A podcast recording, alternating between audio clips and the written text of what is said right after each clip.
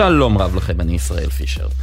הכנו לכם היום תוכנית מיוחדת וחגיגית שאנחנו מקדישים לחדשנות ישראלית, אבל אני רוצה לפתוח אותה דווקא בחדשות רעות.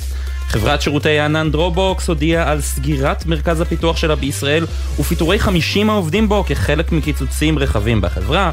גם אמזון וגם פייסבוק או מטא הודיעו באחרונה על פיטורי עשרות עובדים בישראל, שוב, כחלק מקיצוצים בכל העולם.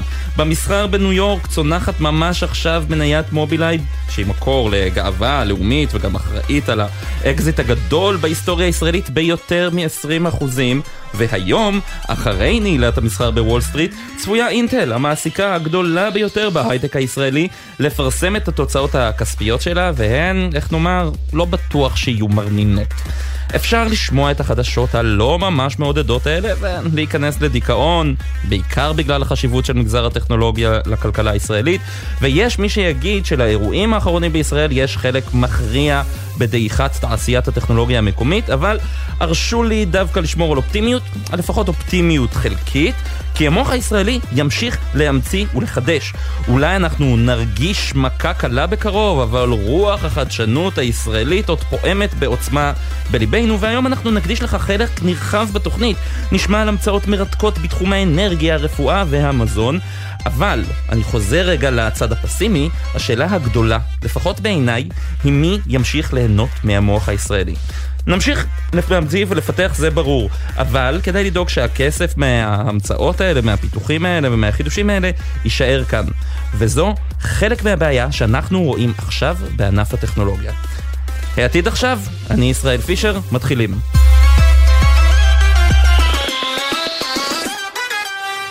אז לפני שנחזור לכל הנושא של החדשנות בתוכנית המיוחדת הזו, אנחנו רוצים לפנות אל כתבתנו בבירה, נועה ברנס, בדיווח על אה, המחאה בעד התוכנית המשפטית. אה, מה קורה שם? אלפים נמצאים כאן סביב הכנסת, שר המנורה כאן נמצאת הבמה המרכזית, בעצם בדקות הקרובות היה להתחיל העצרת המרכזית בעד כאן, צפויים לנאום השר לוין, שר המשפטים, חבר הכנסת ועדת החוקה, השר בן גביר, השר סמוטריץ' וחבר הכנסת מהליכוד אביחי בוארון, כולם יגיעו לכאן בדקות הקרובות ויתחילו כאן את הנאומים שלהם, הכבישים באזור חשובים לתנועה, הרחובות קפלן, רוטמן, דרך גופין, מצפה השעון ועד אגרנט, חסומים כולם לתנועה, בזמן הקרוב גם יחסמו עוד ועוד רחובות ציבוריים. כן, נועה, אנחנו מתקשים לשמוע אותך, אנחנו נחזור אלייך בהמשך התוכנית לדיווחים נוספים בנושא, ועכשיו אנחנו חוזרים לנושא החדשנות. ומי יותר מכולם מתאים לפתוח את התוכנית, אם לא שר החדשנות, המדע והטכנולוגיה, אופיר אקוניס מהליכוד, שלום לך, ערב טוב. שלום ישראל, ערב טוב, ואם אפשר עוד לומר חג שמח. חג, חג שמח, אנחנו, כן, עוד אפשר, אנחנו בסוף שבוע ארוך כזה של uh, עצמאות. נכון, אתה מכיר נכון היטב את uh, משרד המדע, משרד החדשנות, כפי שהוא uh, קרוי היום. בכל זאת, אני רוצה לשאול אותך שאלה קצת כללית. יש דברים שעדיין מפתיעים אותך שם כשאתה מסתכל על התעשייה הישראלית? אני אגיד לך, קודם כל זה כבר קדנציה שנייה שהתחלתי בה בינואר. כן, לכן אמרתי שאתה מכיר טוב. נכון, אחרי הקדנציה הארוכה ביותר של שר מדע מאז שהוקם המשרד. ב-1982 הוא הוקם ואני שימשתי כשר מדע בין 2015 עד למחצית 2020, זמן הכהונה הארוך ביותר. תשמע, אני, אני חייב להגיד לך שהיטבת לתאר את המצב בפתיח שלך. יש כאן פלא ענק.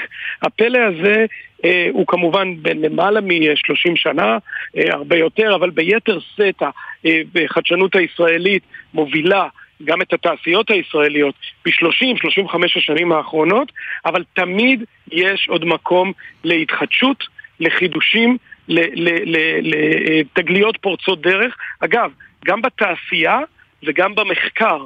זה שני דברים שאנחנו מאוד תומכים בהם ורואים בהם בעצם את קדמת הטכנולוגיות הישראליות. המחקר בעצם מאפשר את, ה, את בוא נאמר כך, את החדשנות הישראלית וכמובן השוק אשר מוביל אותה ב, באמת בהצלחה. אז מה בכל זאת מפתיע אותך? מה מפתיע אותך? מה עדיין. מדהים אותך כשאתה אה, מגיע למשרד בכל בוקר ופוגש אנשים?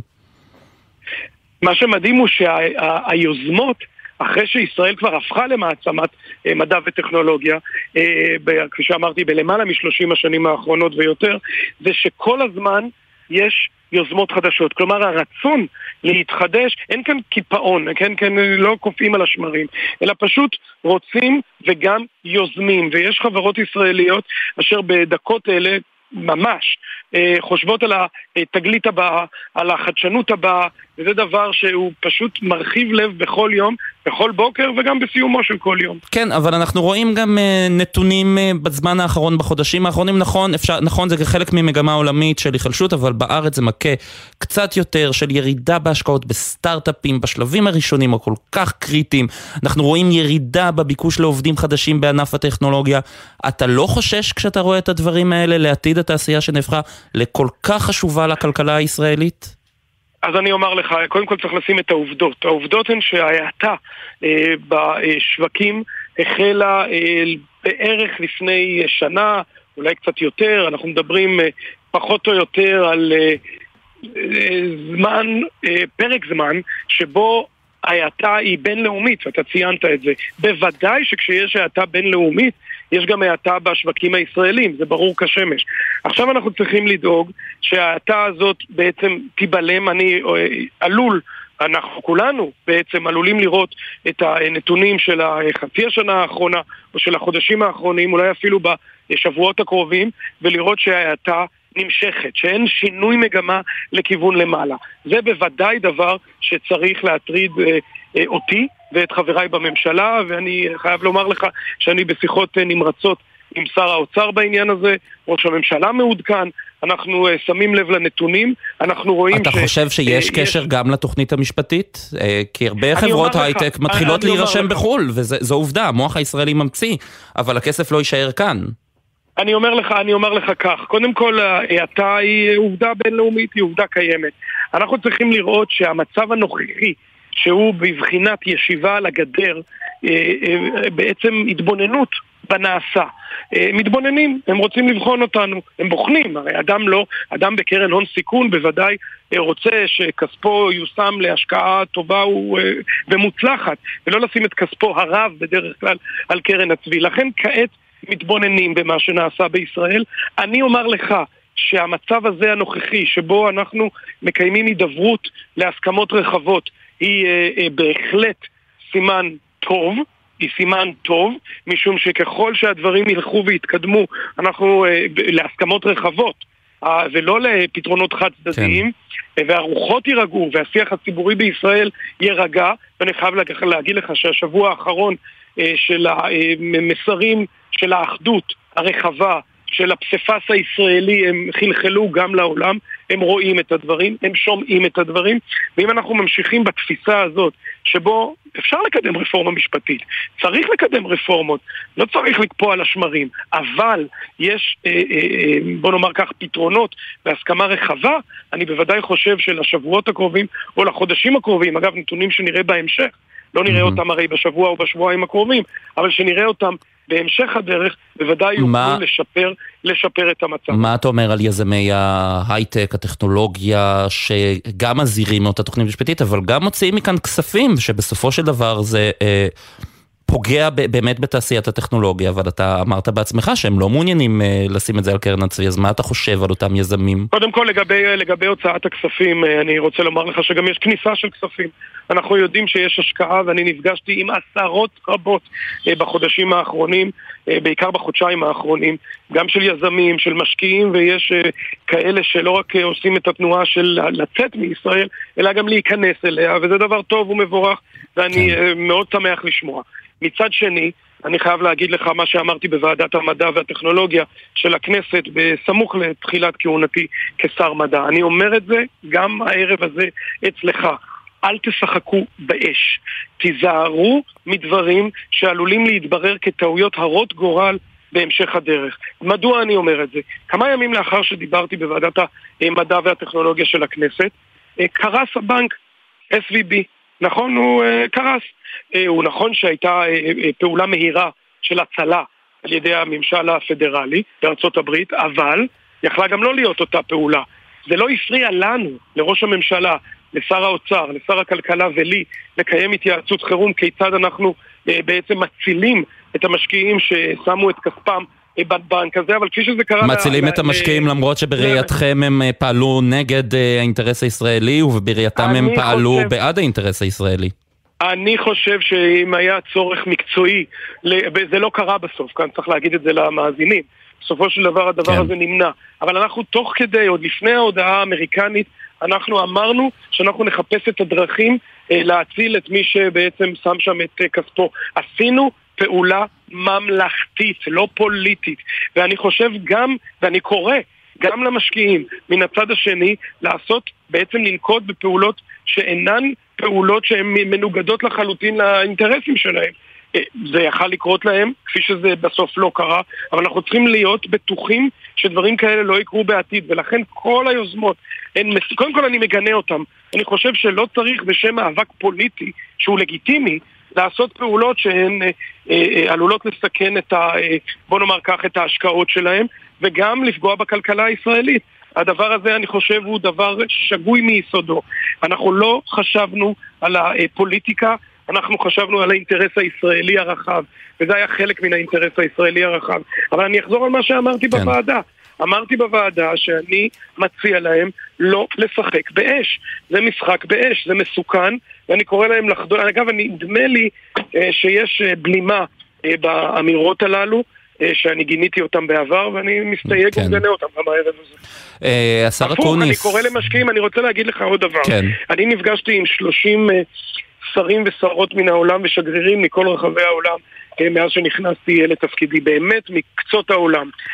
עשיתי זאת כן. בישראל בעיקר ובשני ביקורים בארצות הברית וביוון במהלך הקדנציה. איש מהם, מהשרים המקבילים, אף אחד מהם לא העלה את נושא שינויי, בוא נאמר את הרפורמה במערכת המשפט הישראלית. אני מדבר על גורמים ממשלתיים כן. בכירים מאוד, נהפוך הוא. השר... הם חזרו ושאלו כיצד אנחנו משתפים פעולה. השר אקוניס, לסיום, אתה נמצא עכשיו אה, בהפגנה בירושלים? לא, אני עכשיו ממש אה, סיימתי לפני דקות אחדות אה, סיור מתוכנן מראש בצפת ובנוף הגליל, ואני הקפדתי לראות שם לא רק את ראשי הרשויות כמובן, אלא גם את הדור הבא של היזמים הישראלים. אנחנו משקיעים השקעה אה, אה, גדולה מאוד, אנחנו מחדשים השקעות אה, בסל מדע, ובהשקעות בבתי הספר התיכוניים בחינוך הפורמלי, כן. ובחוגי מדע, ובקייטנות הקיץ. הבנתי, זה, אתה חוזר לזה ולא לא, לא ממש מדבר על ההפגנה, נכבד את זה. אני אומר לך, אנחנו כן. בוודאי הייתי שמח להיות שם. אני לצערי רק עכשיו יוצא מאזור של צפון הארץ, אני חושב שההפגנה הזאת היא חשובה, היא חלק מהותי ממאבק דמוקרטי, וכמו שמקבלים לצערי רוב כלי התקשורת באהדה גדולה את ההפגנות נגד הרפורמה, הייתי שמח שתקבלו באותה מידה מאוזנת את ההפגנות בעד הרפורמה, ואני תומך מדברים, ברפורמה. מדברים על, ה, על ההפגנה גם אה, בעד התוכנית המשפטית, גם כאן בגלי צה"ל. שר אה, החדשנות, המדע והטכנולוגיה אופיר אקוניס, תודה רבה לך, ערב טוב. תודה רבה לך, ולעוד הרבה שנים של חדשנות. אמן. מחקרים פורצי דרך, גאונות ישראלית, באמת גאוות התעשייה הישראלית. אמן, תודה רבה. תודה לך, ערב טוב. ערב טוב, חג עצמאות שמח.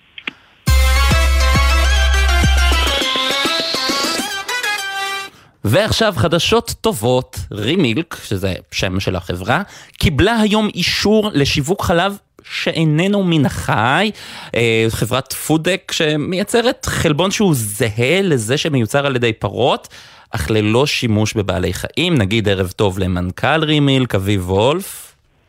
שלום שלום, מה נשמע? בסדר גמור. קודם כל, שאלה ראשונה שאני חייב לשאול בתור אדם שרגיש ללקטוז. אני אוכל לטעום מזה? תוכל לטעום, תוכל לשתות, לאכול אה, מוצרים עם 0% לקטוז. 0% לא לקטוז ובטעם של חלב, כן? בטעם של חלב, במרקם של חלב, עם הערכים התזונתיים הנכונים, החלבונים, הוויטמינים, המינרלים, כל מה שאתה צריך בתזונה שלך. אוקיי, אז עכשיו, אחרי ששאלתי שאלה תכלסית ראשונה, אני עובר לשאלה תכלסית הבאה. מתי אני אוכל לקנות את זה פה בסופר בישראל, אחרי שקיבלתם את האישור? שאלה מצוינת. אז אה, קודם כל באמת אירוע ענק לנו, לרימיק, לתעשייה, אפילו למדינת ישראל. ואנחנו עמלים ממש אה, בימים האלו ברימילק וגם השותפים המרכזיים שלנו בישראל, שזה בעצם טרה, החברה המרכזית למשקאות, שהיא הבעלים של חברת טרה. כן. עמלים, אני יכול לומר, טובי האנשים יום ולילה בשביל להביא את המוצרים האלה במהירות האפשרית למדפים של כולנו. אה, אנחנו עוד לא יכולים... מהירות אה, הערכה, מה, חודשים, שנה, שנתיים? אנחנו מדברים על מהר מאוד. אתה איפשהו בין הספרות שזרקת... איפשהו, זה טווח מאוד גדול, כן. וכמה זה יעלה? אנחנו מדברים על לוחות זמנים מאוד מאוד קצרים, בטח לתעשיית מזון, לא שנים קדימה. אלא על משהו שהולך לפגוש את הצרכנים אה, ממש ממש בקרוב. וכמה זה יעלה העונג הזה? אתה יודע, אני, אני מחכה לזה, אני, אתה יודע, אני מתגעגע לטעם של חלב.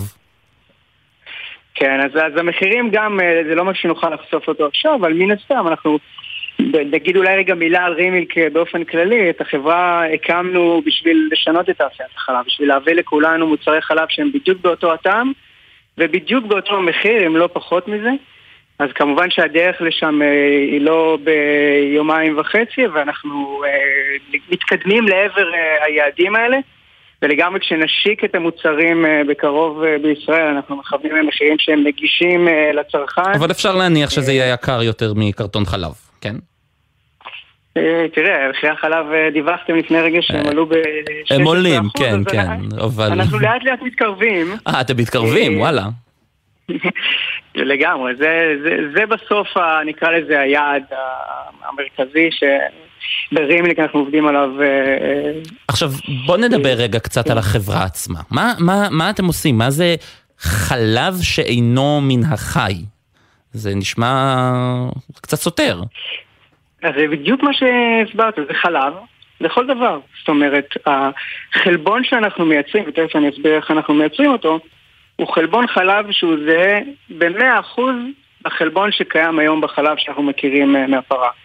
הבעיה בחלבון חלב שמגיע מן החי, זה שמגיע מן הפרה, שתהליך הייצור שעוטף וסובב סביב ההפקה של החלבון הזה הוא תהליך ייצור... זה מאוד מאוד מאוד מזהם, זה נכון, אז איך בכל זאת מגיעים לחלבון הזה? נו, אז מה, מה שאנחנו עושים בגדול, אה, ננסה לתת את הגרסה הפשוטה. אה, אבל מה שאנחנו עושים זה לנצל בעצם או להשתמש במיקרואורגניזמים שכולנו מכירים גם במזון שלנו שנקראים שמרים שהשמרים האלה יודעים גם לפנינו לייצר כל מיני מולקולות. Mm-hmm.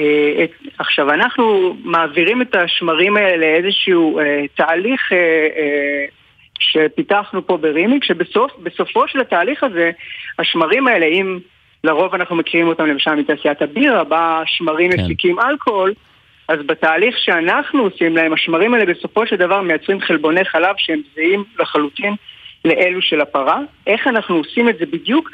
אז במילים, אני אגיד יחסית פשוטות, אנחנו לוקחים את ה... אה, נקרא לזה את הוראות הייצור של החלב מהפרה, שזה בעצם איזשהו חלק ב-DNA של הפרה שבעצם מכיל ממש מתכון. מתכון לייצר את החלבון הזה של החלב של הפרה. ובעצם כך שאנחנו לוקחים את אותו אה, מתכון ומכניסים אותו לתוך השמר שלנו, השמר יודע לייצר בדיוק את אותם אה, חלבונים. ככה שבסוף, בשורה התחתונה, מתקבל חלבון שהוא זהה ב-100%, מאפשר לנו לייצר מוצרים שהם וואלה. באותו הטעם ועם אותם ערכים תזונתיים. ועם פחות זיהום, אביב וולף, מנכ"ל רימילק, תודה רבה לך על הדברים האלה, בהצלחה, ואני מחכה לטעום את זה כבר, מודה. בקרוב, תודה רבה. ביי. אה, אז אה, כן, אני בדרכי הנה נתקעתי אה, בפקקים, וגם אתם בטח נתקעים כל הזמן בפקקים, או בדרך כלל האש ביום העצמאות, כל הזמן בקיצור. אז אתם גם בטח חושבים על עצמכם, מתי אפשר לפתור את זה? אי אפשר להמציא איזה משהו, המוח הישראלי, לא? אז... כתבנו לענייני uh, תחבורה, גל ג'רסי, שמע על רכב שממריא לשמיים ועוד כל מיני פתרונות כמו הרחבת המדר... המדרכה, והנה הדברים המקוריים שיפתרו את הבעיה הישראלית שמציקה לכולנו. מה יותר ישראלי מלעמוד בפקקים? כמעט כל יציאה עם הרכב כרוכה בהיתקלות מתסכלת עם עומסי תנועה. פתרון מקורי לכך, שנדמה שנלקח ישר מסרט מדע בדיוני, הוא הרכב המעופף.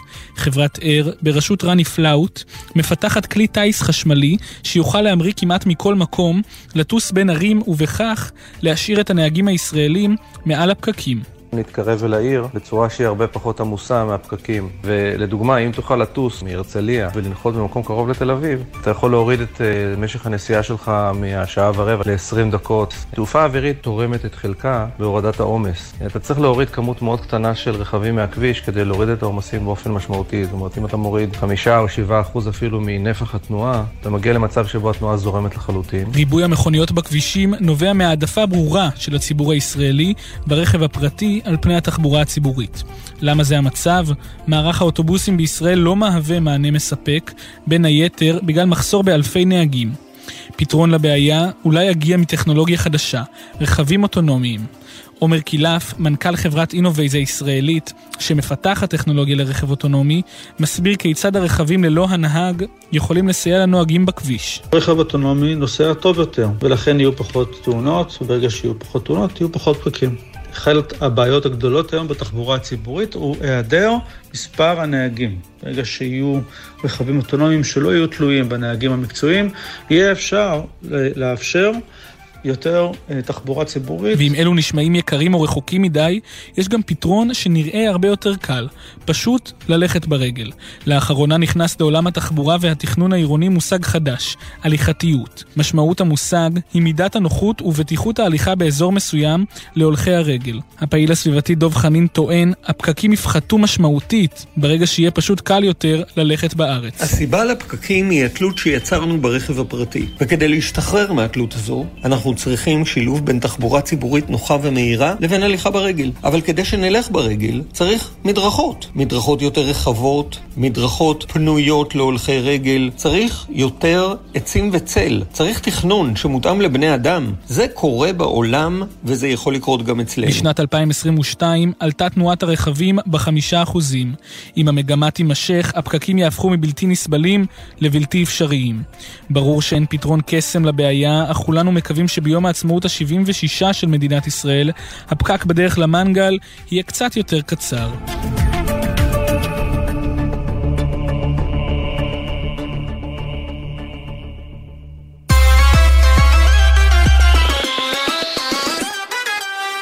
טוב, אז שמענו על תחבורה, שמענו על פודטק מזון, עכשיו נעבור ל...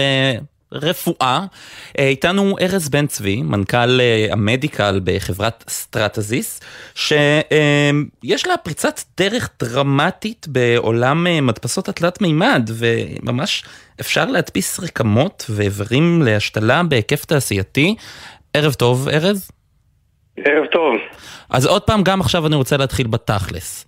מה זה אומר רקמות ושתלים? אתם יכולים, למשל, אני מכיר מקרוב אה, מישהו שעוסק בתחום אה, השתלות כבד, ואפשר למשל אה, להדפיס דבר כזה, או שזה, שאנחנו מדברים על שתלים אחרים? אז אולי רגע לפני שנצלול ממש להשתלות, נדבר רגע בכלל מה אנחנו עושים וקצת על סטרטסיס ועל שיתוף הפעולה. אז סטרטסיס היא חברה שמפתחת פתרונות הדפסה תלת-מימדיים אה, עם מגוון היצע של חומרים פולימריים למגוון תעשיות, סקטורים רבים, מהתעשיית הרכב, התעופה, החלל ובין היתר גם התעשייה הרפואית. היום אנחנו נותנים פתרונות מותאמים אישית, ריפליקות שעוזרות לרופאים בתכנוני ניתוחים ודיאגנוסטיקה, לימוד והדרכה וכן בתעשייה הרפואית בפיתוח וייצור אה, של חלקים. ובשילוב עם טכנולוגיה מאוד מיוחדת של חברת קולפלנט אה, שבעצם מאפשרת להפיק קולגן מצמח הטבק. קולגן למעשה זה התשתית... אותו טבק שלא טוב לעשן, הוא יכול לעזור אותו לגוף. אותו טבק. אותו טבק הוא פתאום שלא טוב. טוב לעשן, הוא טוב, ניתן בטכנולוגיה מאוד ייחודית של החברה, היא מאפשרת להפיק אותו, וזה למעשה איזושהי התשתית האידיאלית, יש לו מאפיינים מאוד דומים או זהים לקולגן האנושי, וזו התשתית האידיאלית להתפשטות של תאים ולהתפשטות של רקמה על גבי אותה תשתית.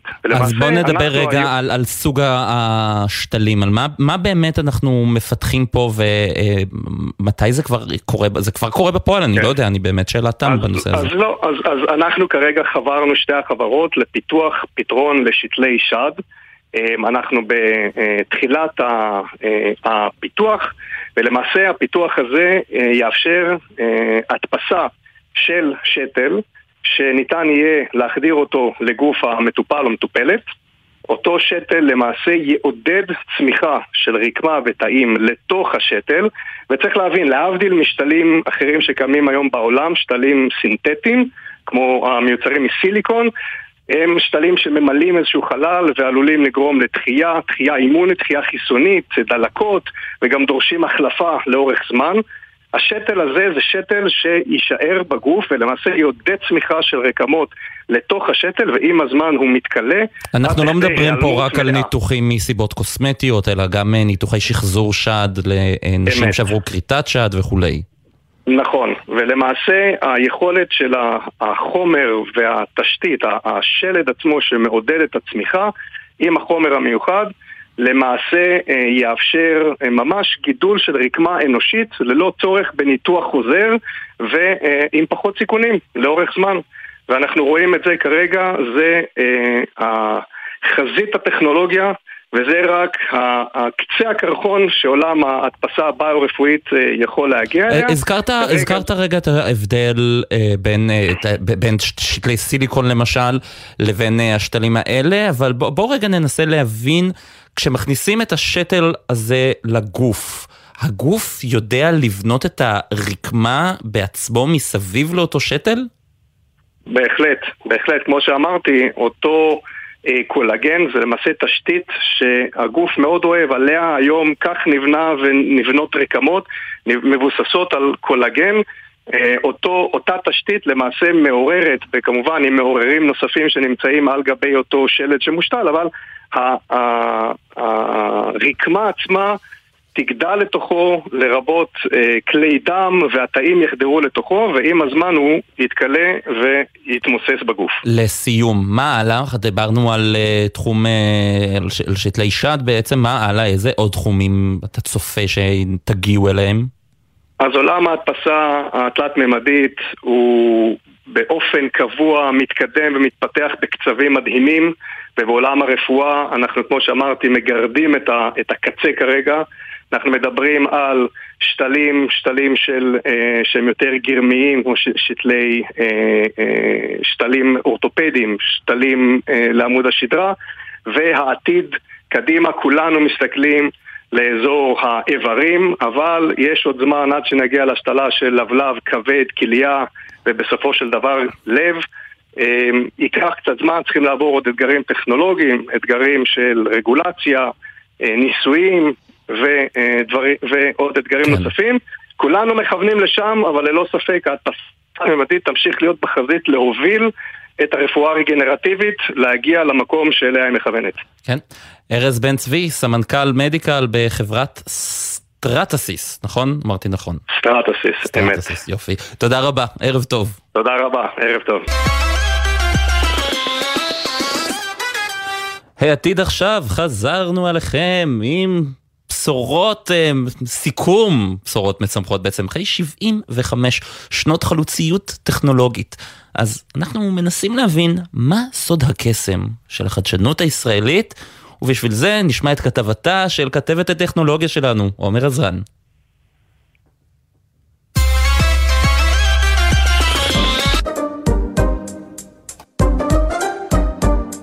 עכשיו זה רשמי, עסקת הענק של גוגל ווייז יוצאת לדרך. חברת גוגל מודיעה הערב כי תרכוש בכמיליארד דולרים את אפליקציית הניווט החינמית מישראל. מעגבניות השרי ועד הדיסק און קי, ב-75 שנות קיום הצליחה מדינת ישראל להמציא יותר המצאות מרוב מדינות הגלובוס שארוכות ממנה בשנים.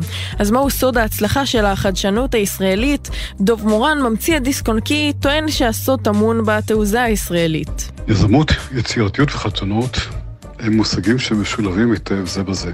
לנו הישראלים יש את זה, כי השורש לדברים האלה זה אומץ עד כדי טמטום, הישרדות, רצון אדיר להישרדות, והיכולת או השאיפה הזאת היא של לראות מעבר לאופק. סופי שולמן, פרשנית ההייטק של כלכליסט, ממחברות הספר להמציא כל בוקר מחדש, סיפורה של החדשנות הישראלית וההייטק, משערת שהחדשנות נובעת אולי דווקא מהעובדה שהישראלים לא מרוצים מהמציאות, ולכן עושים הכל כדי לשנות אותה. החדשנות שלנו נובעת גם מכך שאנחנו עם של קוטרים. אנחנו אף פעם לא מרוצים, תמיד רוצים יותר, תמיד רוצים לשפר, תמיד גם יש לנו את הפתרון.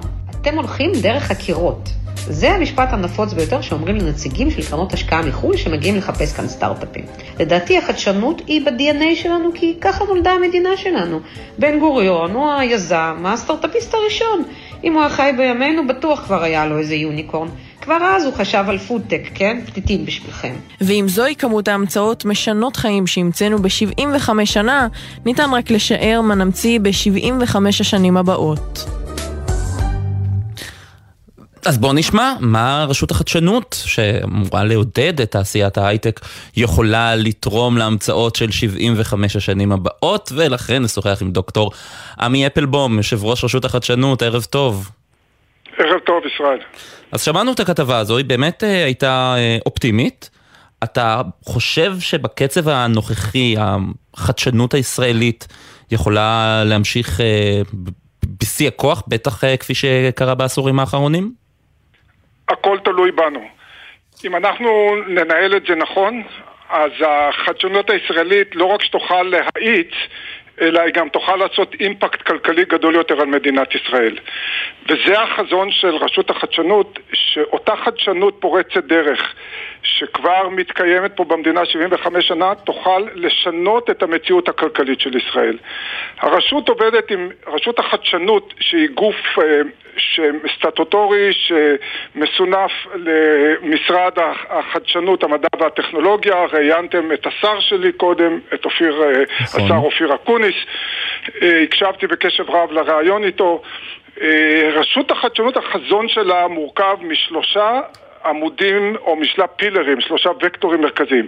אחד, להמשיך ולתמוך בחדשנות היום של כל הסטארט-אפים, טכנולוגיות שיוצאות מאקדמיה, חברות שבאות עם רעיונות פיתוח, דברים שמהיום לשנתיים שלוש הבאות יוכלו להפך לחברות גדולות ולתרום לכלכלה הישראלית. אבל אתה, אתה נמצא שם בדיוק אה, במוקד, מוקדים של אה, קבלת החלטות והשקעות. נכון. אתה רואה את המצב כיום, בטח בחודשים האחרונים בתעשייה, נכון שיש פה את העניין העולמי, את האפקט העולמי, אבל יש גם את הזווית המקומית. כשאתה רואה מה קורה היום בתעשייה, אתה מודאג? אז אני רוצה רק עוד להשלים את מה שאמרתי קודם, שגם בנוסף להסתכלות על היום, וזה יענה לך בחלקו על השאלה, אנחנו צריך, מטפלים ומשקיעים יחד עם גופים נוספים כמו אה, הוועדה לתכנון ותקצוב, האקדמיה, מפת, בגלי הטכנולוגיה העתידיים. כי אם לא נשקיע היום, בתוכניות של גלי תוכניות עתידים לא נוכל ליהנות מהם בעוד חמש עשר שנים. והפילרס השלישי זה כל הנושא של הטמעה בתוך משרדי הממשלה ובתוך מדינת ישראל, שאזרחי מדינת ישראל ירגישו, ודיברת קודם על רכב מעופף, אז נכון, רשות החדשנות משקיעה במיזמים האלה שבהם אתה צריך רגולטור ואתה צריך גם את החברות. עכשיו, האם אנחנו, אה, האם אני אה, מודאג? אז תראה, הכלכלה העולמית נמצאת בירידה החל מתחילת שנת 2022. זה לא סוד, הכלכלה העולמית, הכסף הקל והזול שהמדינות הזרימו, שחלק גדול ממנו הגיע לישראל, נעצר. אבל יש את העניין העולמי, נכון שהוא משפיע ופוגע נכון. בנו, אבל יש לנו גם את הזווית המקומית. בוודאי שיש. והאתגר באירוע המקומי שלנו היא אי הוודאות. מכיוון ש-90% מכספי הקרנות שמשקיעות בהייטק הישראלי מגיע מחו"ל. ואם יש אי ודאות והם לא יודעים להכניס את הפקטור הנכון לתוך המשוואות שלהם, הם לא יודעים מה לעשות. אנחנו יודעים על... Uh, על משקיעים ועל uh, uh, uh, קבוצות השקעה ישראליות, קרנות הון ישראליות, שאומרות שאנחנו, יש לנו בעיה עם המשקיעים שלנו מכיוון שהם לא יודעים לאן העסק הולך. פונים אליכם יותר חברות עכשיו, בגלל שמשקיעים עומדים כן. על הגדר זה? פונים אליכם יותר כן. חברות? כן, מגיעים אלינו יותר חברות. כמה יותר? בסביבות, בסביבות ה-20 אחוז, אנחנו כבר רואים עלייה. אני גם היושב ראש של קרן הדו-לאומית ישראל-ארצות הברית, קרן ברד, זה by national. Um, by National Industrial כן. Research and Development, קרן של כבר 47 שנה, גם שם אנחנו רואים עלייה. ויש לכם כסף לתת, יש לכם כסף לתת לכל החברות האלה? יש תקציב מיוחד לזה, למצב כמו שאנחנו נמצאים בו? ש, ש, שאלה בשאלה. יש לנו תקציב. או. אין כרגע תקציב. יש תקציב המשכי, כן. ופה אני צריך לבוא ובאמת לתת ציון, אני מבחינתי, לאגף התקציבים, שגם בתקציב ההמשכי הם דאגו שהמשך השקעות המדינה בחדשנות, בכל הרמות, תמשיך ותהיה באותו קצב שהייתה קודם. הדבר השני, עכשיו בתקציב הנוכחי, באמת, אני- ברגע שהוא יעבור, אני מקווה ב- בסוף, בסוף מאי, כמדומני, אנחנו נוכל לחזור לנתיב ההשקעות. עם זאת, התקציבים של רשות החדשנות להשקיע בהייטק לא השתנו במשך יותר מעשור. זאת אומרת, לא גדלו למרות שהצרכים גדלו והמדינה... מה אתה אומר למדינה שהיא צריכה לעשות במצב כזה? המדינה חייבת לראות איך מגדילים את ההון שיושקע בהייטק הישראלי ולא כולו צריך לבוא מהמדינה. יש לנו את כל המוסדיים שהם הוכנסו בצורה די מצומצמת על ידי אה, אה, משרד האוצר ורשות החדשנות להשקעה במהלך המשבר הקורונה זה אחד מהפולס, מה, מהמאגרים של כסף שצריך לזכור, אה, צריך להשתמש בו על מנת לפצות על אותם מו- כספים שכרגע לא מגיעים. מועצת רשות החדשנות יכולה לפעול? הבנתי שיש בעיות שהשר אקוניס מעכב מינויים במועצה. אני לא, לא רוצה לה, להגיד שהשר אקוניס מעכב, השר אקוניס קיבל רשימה של, אה, קיבל רשימה של מועמדים על ידי ועדת איתור כקבוע בחוק. למיטב ידיעתי הוא עובד לראות מתוך הרשימה שנתנו לו, הוא צריך למנות אחד, שר האוצר אחד, ושניהם צריכים למנות נציג נוסף. נכון, אתה צודק, כרגע רשות החדשנות לא יכולה לקבל החלטות שמשנות את אפיקי ההשקעה, היא יכולה להמשיך להתנהל על פי האפיקים הקיימים, היא לא יכולה לשנות, והשר אקוניס, למיטב ידיעתי, ואני משוכנע שהוא רואה כמוני עין בעין את הצורך בלהפעיל את רשות החדשנות במידה, הוא דיבר קודם על כל הנושא של SVB, סיליקון וואלי בנק, כן. וייתכן מאוד שהיה צורך לעשות תוכנית שרשות החדשנות תוביל כדי להכניס את המוסדיים במקום הבנקים, או כדי לתת פיצוי. ואתם לא יכולים לעשות את זה עכשיו. הוא יודע, ואני משוכנע שהוא יפעל בהתאם לטובת מדינת ישראל, ואותו דבר, לאינטרס של מדינת ישראל, ואותו דבר יהיה גם שר האוצר אה, בצלאל סמוטריץ'. דוקטור עמי אפלבום, יושב ראש רשות החדשנות, תודה רבה לך על הדברים האלה, ערב טוב. בבקשה, תודה.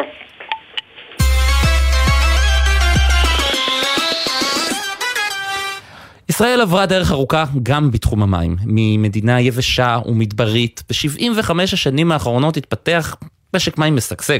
עדיין ניצבים מולנו לא מעט אתגרים, ראינו את החורף האחרון שהיה לא משהו, אבל מהמוביל הארצי שהוקם בראשית המדינה ועד למתקני ההתפלה החדשים, כתבת הסביבה ענבר פייבל עם סיפורו של משק המים הישראלי.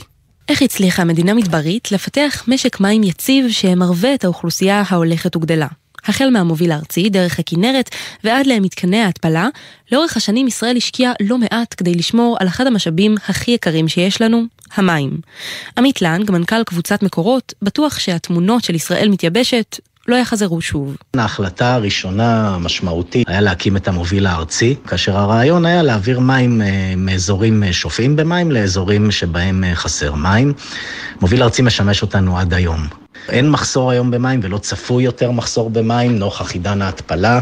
האתגרים שניצבים בפנינו הם לבצע פעולות ופיתוח של מערכת המים, כך שגם אזורים בשולי המדינה יוכלו ליהנות מאותה מערכת, משום שכיום הם נסמכים על מקורות מקומיים. כדי לוודא שנוכל לחגוג גם בשנה הבאה עצמאות ישראלית במים, מור גלבוע, מנכ"ל עמותת צלול, מתריע מפני אתגר משמעותי. מים באזורנו הוא משאב שמצוי בחוסר, היות ואנחנו חיים באזור מדברי שעם החרפת משבר האקלים עובר תהליך של מדבור זוחל ומחסור המים גדל.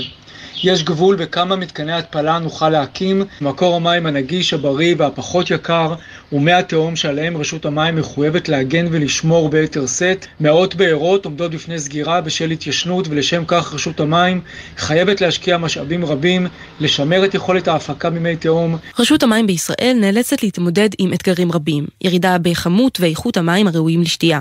זאת לצד צריכת המים שרק עולה עם השיפור במצב הכלכלי ועם גדילת האוכלוסייה. יחזקאל ליפשיץ הוא מנכ"ל רשות המים. בצד ההישגים הגדולים והמשמעותיים של משק המים בעשרות השנים האחרונות, אנו נדרשים לעמוד באתגרים שונים. מצד אחד אנחנו צריכים להגדיל את מצאי המים, את בעצם את ייצור המים. אנחנו מקימים אה, עוד מתקני התפלה ונמשיך להקים מתקני התפלה אה, בשנים הבאות. בנוסף, אחד האתגרים שלנו הוא לטפל בביוב, כיוון שהאוכלוסייה הולכת וגדלה, בהתאם גם כמות הביוב, ואנחנו צריכים להשתמש בביוב לטובת ענף החקלאות. מאז קום המדינה, משק המים של ישראל עבר דרך ארוכה. נותר רק לקוות שהמים כאן ימשיכו לזרום בשצף גם ב-75 השנים הבאות. צריך להגיד גם בהקשר של משק המים, שאנחנו ממש נהפכנו למקור ידע עולמי בכל מה שקשור אה, לניהול משק מים, ואני יודע שהמדענים ישראלים ואנשים ממקורות מלמדים גם את המרוקאים וגם את הארגנטינאים איך לנהל את משק המים שלהם, אז זה עוד משהו, נקודה שחשוב אה, אה, לציין. וממשק המים אנחנו נשארים בתחום התשתיות לנושא שקרוב אליי באופן אישית, אנרגיה, שגם בו אנחנו די טובים. אה, פרופסור לילך אמירב, היא מהפקולטה לכימיה של הטכניון, הוא מייסדת שותפה ומדענית ראשית של חברת קיודיסול. אה, שלום, ערב טוב. שלום. אז נעים מאוד. נעים מאוד. תספרי לי קצת מה אתם עושים, מה החברה שלכם עושה. אז אנחנו מפתחים ננו חלקיקים שבעצם אה, משמשים כ... מקור לדלק ירוק ונקי.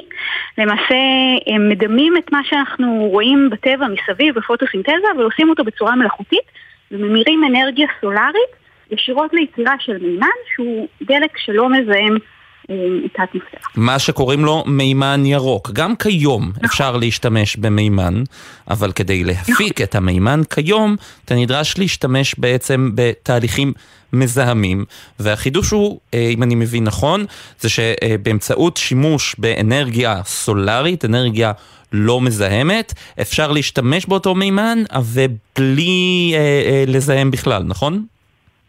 נכון. אז אה, באמת אה, השוק של מימן הוא שוק ענק, אה, אנחנו משתמשים במימן בעיקר היום ליצירה של אמוניה, גם לתעשיית הפלדה, תעשיית הזכוכית, אבל צופים שווקים שרק נמצאים עכשיו בחיתולים, שבאמת ילכו ויתפתחו, שיעשו שימוש במימן כדלק נקי, והבעיה היא שבאמת, כמו שציינת, הדרך שבה מייצרים מימן היום היא בעיקר מגז טבעי בתהליך שמערב פליטה של גזי חממה ולכן זה קצת כמו להחביא את האבק מתחת לשטיח. אמ, מה שאנחנו רוצים לעשות זה לייצר מימן מאנרגיה סולארית. הדרך שקיימת היום היא למעשה דו-שלבית. כן. לוקחים תא סולארי, ממירים את האנרגיה הסולארית לחשמל, ואז את החשמל מזינים לאלקטרולייזר שמייצר אה, מימן ממים. אבל זה פשוט לא מהווה חלופה כלכלית למימן המזהם שנקרא מימן אפור. כן, זה מאוד יקר, אז מה החידוש שלכם? נכון. אז מה שאנחנו בקיודיסול עושים, אנחנו um, פיתחנו פאנלים שלתוכם um, um, משולבים uh, ננו חלקיקים שלמעשה עושים המרה ישירה של האנרגיה הסולארית למימן uh, בתהליך שבעצם, uh, יורשה לי לקחת ביטוי מאנגלית, cut the middleman. אוקיי, אז uh, אנחנו באמת uh, מצליחים לעשות המרה ישירה של האנרגיה הסולארית לדלק, ולכן אנחנו מצליחים לייצר חלופה שהיא הרבה יותר כדאית מבחינה כלכלית. אנחנו מאמינים שממש מעבר לפינה נצליח ממש לייצר מוצר שעלות הייצור של המימן בו תהיה אקוויוולנטית למימן אפור. וזה כמובן יהיה באמת באמת מהפכני. מדברים מדברים על תחום המימן כבר, לא יודע, שנתיים, שלוש, זה ממש מילת אה, באז חזקה, אני מקווה שאבשלום לא יתקן אותי עכשיו, אה, אבשלום קור אה, שמאזין שאני משתמש במילת באז, אבל באמת זו מילת באז חזקה. את רואה באמת את העניין הגובר בתחום המימן וחושב, ומאמינה שמתי אנחנו נוכל להשתמש באותם פיתוחים שעל הנייר באמת נשמעים מדהימים, אבל מתי זה יגיע באמת שנוכל להניע עם זה רכבות למשל, או אוניות, או אפילו משאיות שמדברים שיניעו אותן במימן? אוקיי, okay, אז קודם כל אתה התייחסת כאן לכמה סוגיות מאוד מעניינות. באמת אה, ציינת כל מיני אה, שווקים כמו אוניות ומטוסים וכו', שהם אה, שווקים שמאוד מאוד חשובים למימן, מכיוון שיש הרבה סקטורים שפשוט לא ניתן לחשמל. ותחבורה כבדה ואוניות מטוסים הם דוגמה מצוינת לזה, ישנם עוד שווקים, אנחנו יכולים לדמיין תעשייה כימית כבדה ש, שבה המפעלים שצריכים טמפרטורות גבוהות לתהליכים שלהם פשוט יאמירו את זה, את מקור הדלק שהם שורפים לדלק ירוק, כמימן. והבעיה שמה שבאמת באמת מעכב את כל ההתפתחויות של התחום הזה זה עלויות הייצור הגבוהות של מימן ירוק. והעובדה שאם אנחנו משתמשים במימן אפור, אז אנחנו לא באמת... אה, אה, זאת אומרת, אין טעם לעבור לרכבת שמבוססת מימן ירוק ולהגיד, הנה אנחנו, סליחה, מבוססת דלק ירוק כמו מימן, בשביל אה, למנוע פליטה של גזי חממה כשהמימן מיוצר בתהליכים שפולטים אותו. אז כל השווקים החדשים האלה שאנחנו רוצים לראות את ההתפתחות שלהם מחייבים אה, פתרון טכנולוגי שיאפשר יצירה של מימן נקי בצורה שהיא באמת מהווה אלטרנטיבה כלכלית. וכן, ו... אה, אה, שהטכנולוגיה שלנו תאפשר את זה. ומה מבחינת מימון והעברת כספים לתחום הזה של מימן? יש התעניינות ערה של משקיעים או קרנות וכולי? אז באמת אה, יש, מוגשת ממש אה, אה, פריחה בכל מה שקשור לתחום גם מהסקטור של האקדמיה וגם בתעשייה. אני חושבת שאנחנו נראה שההתעוררות הזאת תביא באמת לעוד פיתוחים ולהטמעה של הטכנולוגיה בקצב מהיר יותר בתעשייה הקיימת. אני חושבת שיש עדיין איזשהו גאפ בין מה שאנחנו רוצים לראות, מה שאנחנו צריכים, לבין אה, המציאות הנוכחית.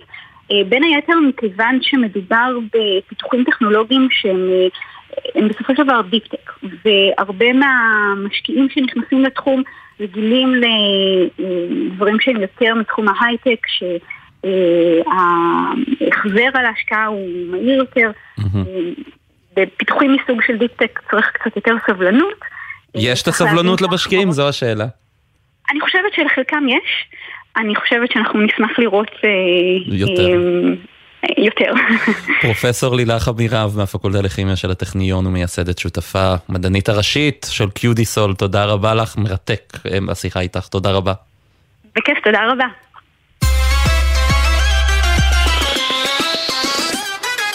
אנחנו קופצים עכשיו לנועה ברנס, כתבתנו בבירה, לשמוע פרטים על הפגנה של תומכי התוכנית המשפטית. שלום נועה.